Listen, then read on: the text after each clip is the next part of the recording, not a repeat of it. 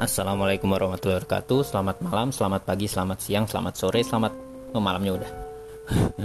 Uh, Kembali lagi di podcast saya yang sudah lama tidak muncul dari permukaan. Podcast Guru Tidak Baik.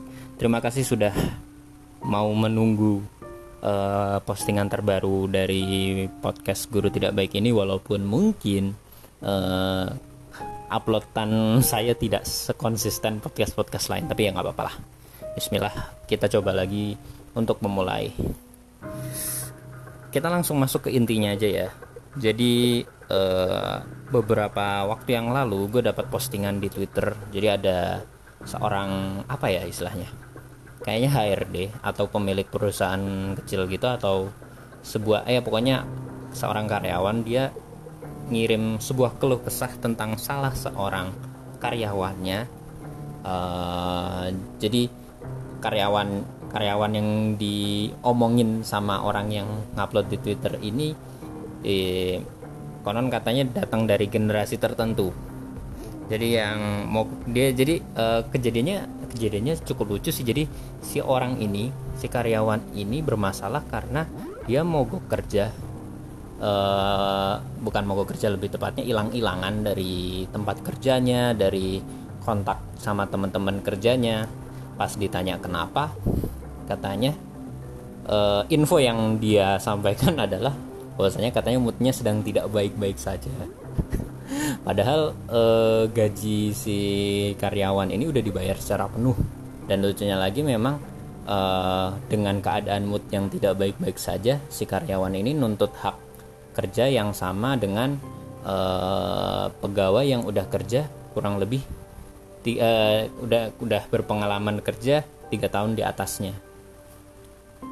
Di sini lucu sih. Uh, konteks paling lucunya adalah ketika dia bilang bahwasanya uh, mood dia sedang tidak baik-baik saja tapi ditanya ditanya sama atasannya ditanya memang keadaannya sedang apa? Gangguannya kenapa? Sudah didiagnosa atau belum? Terus dia dengan entengnya menjawab nggak e, tahu kak. Saya juga masih menebak-nebak itu sebuah ini sih sebuah pernyataan yang cukup cukup fantastis. Cukup fantastis dan kontroversial. Karena memang eh, bisa-bisanya dia bilang bahwasanya dirinya tidak baik-baik saja. Terus eh, mungkin waktu itu sebelumnya ada disclaimer eh, sudah mengalami gangguan jiwa atau enggak tapi pas ditanya belum ada diagnosa dari atasnya. Ya kita tahu sih maksudnya tiap orang itu bisa uh, apa ya memiliki kemampuan sendiri untuk melihat apakah dirinya tidak baik-baik saja atau enggak. Cuma untuk menegakkan apakah dirinya depresi atau enggak itu butuh uh, tenaga ahli untuk menegakkannya.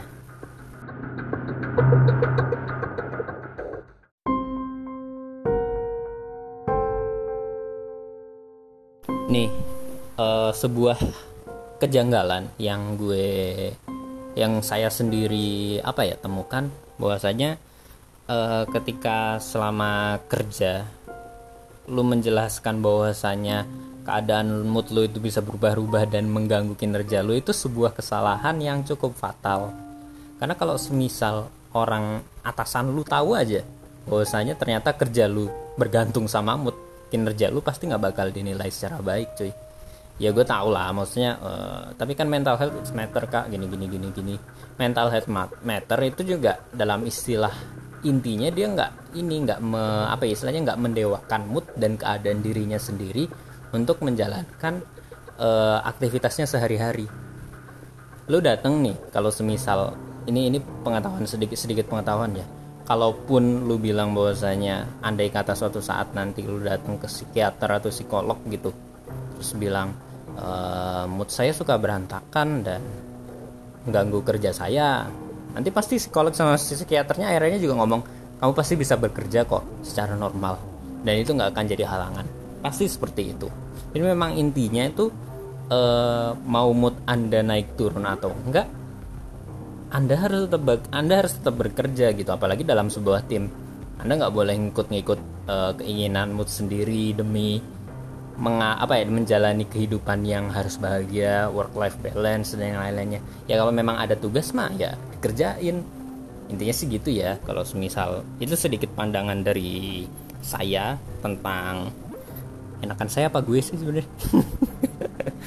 Oke. Jadi uh, tapi kalau semisal ngacu pengalaman ke gue sendiri gue kan memang punya sudah didiagnosa semenjak tahun 2020 mengalami bipolar disorder terus baru tahun kemarin tahun berapa ya? Tahun 2021 berarti ya? Ya tahun 2021 diagnosa gue tegak bahwasanya gue mengalami gue ternyata dari kecil mengalami ADHD atau hiperaktivitas. Kalau kalian mungkin baca-baca di Google ADHD sama bipolar itu pasti mood swingnya itu kacau balau. Jadi kalau semisal ditanya apakah di dunia kerja gue pernah mengalami hal seperti karyawan yang disebut ini, gue katakan uh, gue pernah mengalaminya. Gue pernah mengalaminya, tapi uh, jadi ceritanya gini, kan waktu dulu gue kerja di RSDC Wisma Atlet uh, rumah sakit darurat COVID yang sekarang udah ditutup, alhamdulillah COVID udah berlalu, tapi ya gitu penuh banyak kenangan sih di sana. Cuma kan karena ya namanya juga sudah nggak dibutuhkan akhirnya ditutup. Jadi intinya uh, pas gue kerja di RSDC jadi gue kerja di bagian gizi. Kerjaan gue itu bagiin makanan ngejadwalin. Semisal pasien pengen sarapan gue kasih makanan gue bagi gue kasih minuman gue kasih snack dan yang lain-lainnya. Nah jadi waktu itu ceritanya gue dapet shift pagi gue masih inget shift pagi itu berarti lu masuk jam 4 pagi pulang jam 9 pagi kalau nggak salah kalau nggak salah ya. Sekitar segitulah nah malamnya itu karena tiba-tiba mood gue berubah. Yang harusnya gue tidur dari jam 8 malam terus gue bangun jam 3 pagi terus nanti jam 4 paginya siap-siap buat sholat dan yang lain-lain uh, buat berangkat. Ternyata karena mood gue berubah pikiran gue jadi ada istilah di hyperaktivitas tuh namanya racing mind. Memang racing. Jadi emang uh, pikirannya balapan terus. Kalau ditanya apa keadaannya tuh uh, mirip kayak overthinking. Mirip kayak overthinking cuma ini kayak uh, ada banyak pemikiran yang istilahnya yang balapan dalam pikiran kita banyak gitu. Jadi topik pembahasan dalam kepala kita tiba-tiba mencuat terus kita nggak bisa tidur kita semangat kayak rasa rasanya gue tuh pengen kayak aduh cepetan pagi deh cepetan pagi biar mumpung gue masih sesemangat ini buat kerja buat bangun gue bisa langsung nuntasin shift gue waktu itu. Ternyata pas begitu jam setengah empat gue udah siap dan yang lain-lainnya udah gue udah pakai celana dan yang lain-lain buat siap-siap jalan untuk memakai baju hazmat dan lain-lain gitu mood gue berubah. Langsung down. Just, langsung down itu kayak bener-bener kalau semisal lu bisa berdiri tegak dari tadi nih kayak seolah-olah lu robot terus baterai lu ditarik paksa mood itu bisa berubah sedrastis itu dan secepat itu gitu. Jadi kayak langsung uh, gue langsung tiba-tiba nyesek sendiri. Terus kayak aduh ini anjir ini ini kenapa ini? Kayak udah beberapa menit lagi tinggal berangkat malah gini perasaannya. Tiba-tiba gue nangis sendiri di tempat di kamar gue untung kamar gue waktu itu sendiri kayak nangis. Nangis tuh juga nggak ada nggak ada sebabnya kayak aduh kayak tiba-tiba capek sendiri. Padahal dari tadi semangat tapi karena mood gue nggak gue berantakan akhirnya waktu itu gue putuskan untuk minum obat. Obat gue waktu itu uh, jenisnya antipsikotik. Jadi kalau lu minum pasti lu tidur seharian. Akhirnya gue izin ke rekan kerja gue. Gue izin kayak tapi gue izinnya juga nggak izin kayak e, kak mood gue lagi nggak baik-baik aja. Jadi gue soalnya kalau ngomong kayak gitu pasti lu digampar sama atasan jadi ya gue ngomong bosnya memang badan gue tiba-tiba nggak enak. Ya nggak emang bener kan nggak enak karena setelah minum antipsikotik itu badan gue dipaksa buat shutting down buat tidur buat nggak bekerja dulu untuk seharian itu. Dan gue sampaikan bahwasanya memang ketika di dunia kerja lu menyampaikan diri bahwasanya lu punya gangguan kejiwaan agar orang-orang di sekitar lu mengerti kondisi lu yang ada orang-orang tuh malah bingung gimana caranya ngajak bicara lu yang baik. Orang-orang mal malah bakal tambah sulit nerima lu aturan kalau memang lu pengen menjelaskan diri lu uh, punya gangguan kejiwaan. Lu nggak usah harus ngejelasin ke semua rekan kerja yang lu temuin. Yang kalau lu, peng kalau lu pengen ngejelasin pilih uh, ngejelasin bahwa saya diri lu itu punya gangguan kejiwaan itu sebuah pilihan. Terserah lu mau diem-diem uh, nahan diri nggak beritahu siapa-siapa. Karena kalaupun lu beritahu nggak terlalu ngaruh buat tim kerja lu sebenarnya di mana-mana tuh.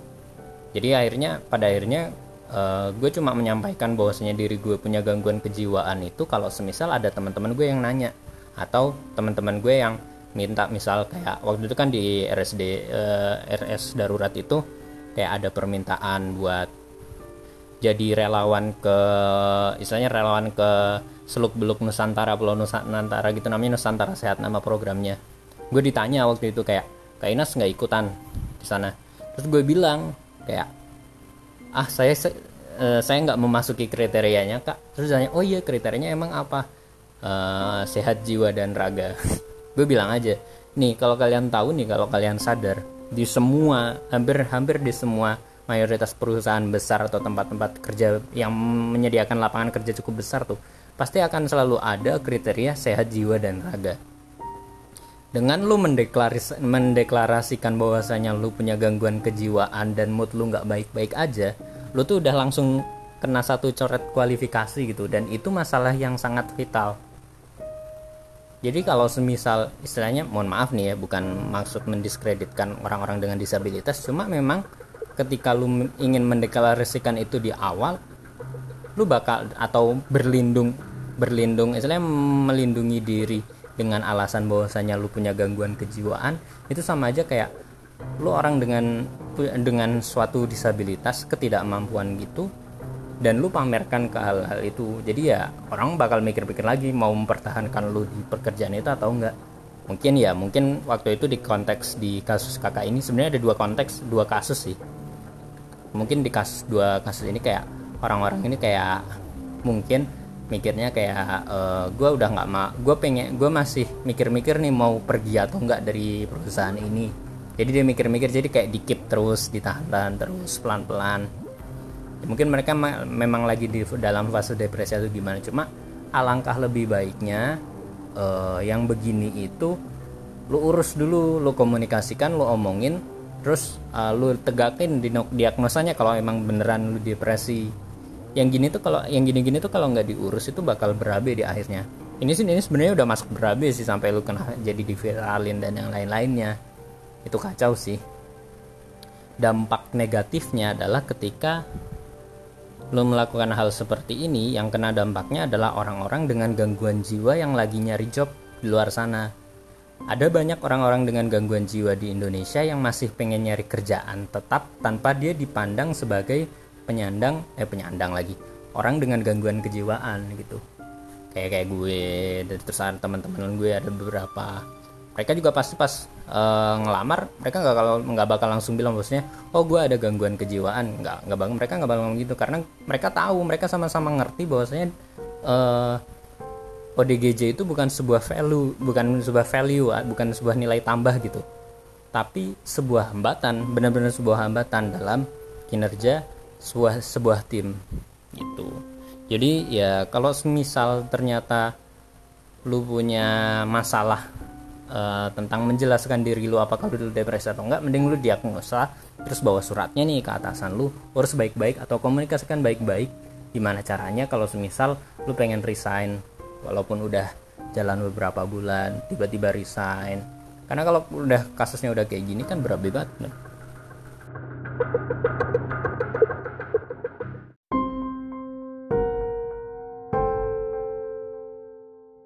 terus uh, ini uh, tambahan kalau semisal mood swing itu ini ini ini sekedar pengetahuan ya kalau semisal mood swing di bipolar itu mood swingnya itu nggak makan satu hari penuh biasanya. Biasanya mood swing yang namanya mood swing itu benar-benar parah dan uh, bisa terjadi cuma dalam waktu hitungan jam aja kayak 4 jam. Nggak lebih dari sehari lah. Sehari itu biasanya lebih. Kalau ada yang lebih dari sehari biasanya dihabiskan buat tidur karena buat nata emosinya dan yang lain-lain itu.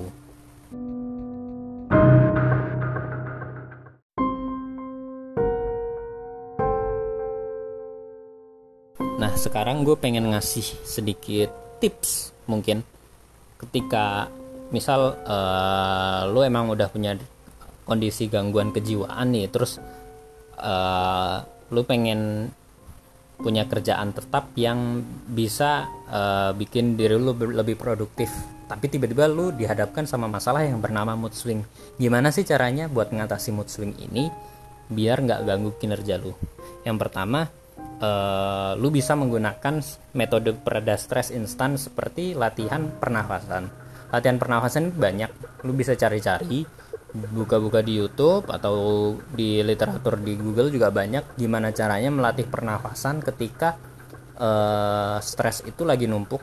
Terus dia lu mood swing kayak stres udah numpuk dia lu kayak jeglek badannya terus ah uh, pengen pengen nangis aja di tempat pengen sedih. Lu boleh kok uh, mundur dulu dari tempat atau menyingkir dari tempat itu pindah sebentar tarik nafas olah nafas keluarin dulu semua emosinya secara perlahan-lahan terus balik lagi seperti biasa itu lu bisa itu lu bisa.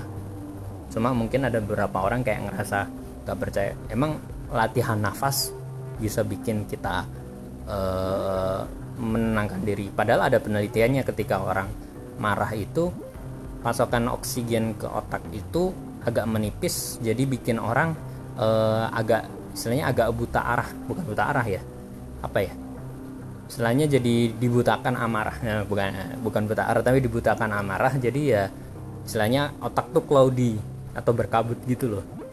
Makanya ketika orang marah itu dianjurkan untuk tarik nafas minum air sebentar rileks sebentar biar jelas nih pikirannya lu mau ngapain terus yang kedua uh, lu harus membangun kebiasaan pereda stres lu agar nggak numpuk di di akhir hari atau uh, di akhir pekan kan biasanya gitu ya kalau kerja udah overwork gitu kayak pulang ke rumah bawa stres juga dan yang lain-lain.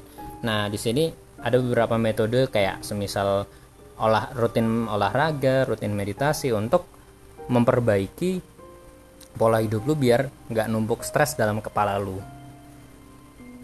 Kalau ada yang bilang olahraga kan capek kayak gini-gini, ya memang memang tujuan kita itu bikin capek gitu biar otak kita seger biar otak kita bisa jernih lagi terus mood kita naik gitu. Kan memang dalam olahraga itu setelah after olahraga itu memang ada fase di mana badan kita itu produksi banyak hormon biar kita relax lagi biar badan kita oke okay lagi biar recovery badan kita bisa lebih baik ke depannya atau meditasi yoga dan yang lain. Konsepnya sih sama cuma kalau semisal pengen yang lebih ringan ya pakai meditasi gue, sendiri sebenarnya lebih prefer ke olahraga sih. Karena meditasi gue belum nemu mana yang paling klik. Mungkin ada yang paling klik cuma gue belum pernah gue pribadi belum pernah nyoba. Terus yang ketiga lo harus mengeliminasi faktor stres. Kalau ditanya gimana cara mengeliminasi faktor stres tergantung faktor stres lo apa. Bisa jadi nih bisa jadi. Ternyata faktor stres lo itu malah kerjaan lo yang lo hadapi sekarang. Nah gimana caranya ngadepinnya? Ya udah dikerjain kerjaannya ya kadang emang ada orang-orang kayak wah gue stres nih gini gini gini gini. Dia ngomong stres stres stres terus terus stresnya ditumpuk dalam kepala tapi nggak dikerja kerja ini kerjaannya. Akhirnya stres sendiri pusing sendiri. Ini gue ngomong kayak gini ini bukan berarti uh, eh, gue terlepas dari hal-hal seperti itu. Gue masih kok menghadapi hal-hal seperti itu termasuk semua yang gue omongin dari tadi tapi ya dalam artian memang uh, gue udah tahu ada biasanya tuh orang-orang tuh udah tahu bahwasanya itu solusinya tapi ada aja biasanya hambatan yang bikin dia nggak bisa melakukan hal itu. Itu sih sebenarnya selayang pandang dari podcast gue kali ini. Sebenarnya gue pengen ngasih POV aja terus uh, ngasih pesan aja kalau semisal lo ngeluarin statement-statement kayak gitu atasan lo suka atasan atasan lo kerja di bagian uh, yang relate sama sosial media lebih baik lo nggak usah inilah apa ya istilahnya? Jangan jangan banyak tingkah lah kalau semisal bahasa kasarnya segitu ya. Karena memang eh, pandangan ini tuh langsung berdampak ke job seeker yang lain gitu loh. Kalau semisal di luar sana ternyata emang ada orang-orang beneran depresi kayak gue atau orang-orang yang memang butuh kerjaan tapi nggak diterima-terima karena dia punya riwayat gangguan kejiwaan dan yang lain-lain itu eh, dampaknya lebih parah loh ke kita daripada kalian yang udah kerja. Jadi ya gue ngerasa sendiri bahwasanya fit in di lingkungan itu cukup sulit gitu. Jadi kalau semisal kalian sudah punya kesempatan itu lebih baik jangan disia-siain. Itu pesan gue terus yang terakhir kalau semisal kalian ngarep ke psikolog atau psikiater dapat solusi yang bisa meringankan beban di dada dengan cara melupakan kerjaan kalian salah biasanya psikolog sama psikiater bakal tetap menganjurkan bosnya beresin kerjaan lu dulu tata hidup lu terus uh, biarin hidup lu berjalan seperti semula di jalurnya.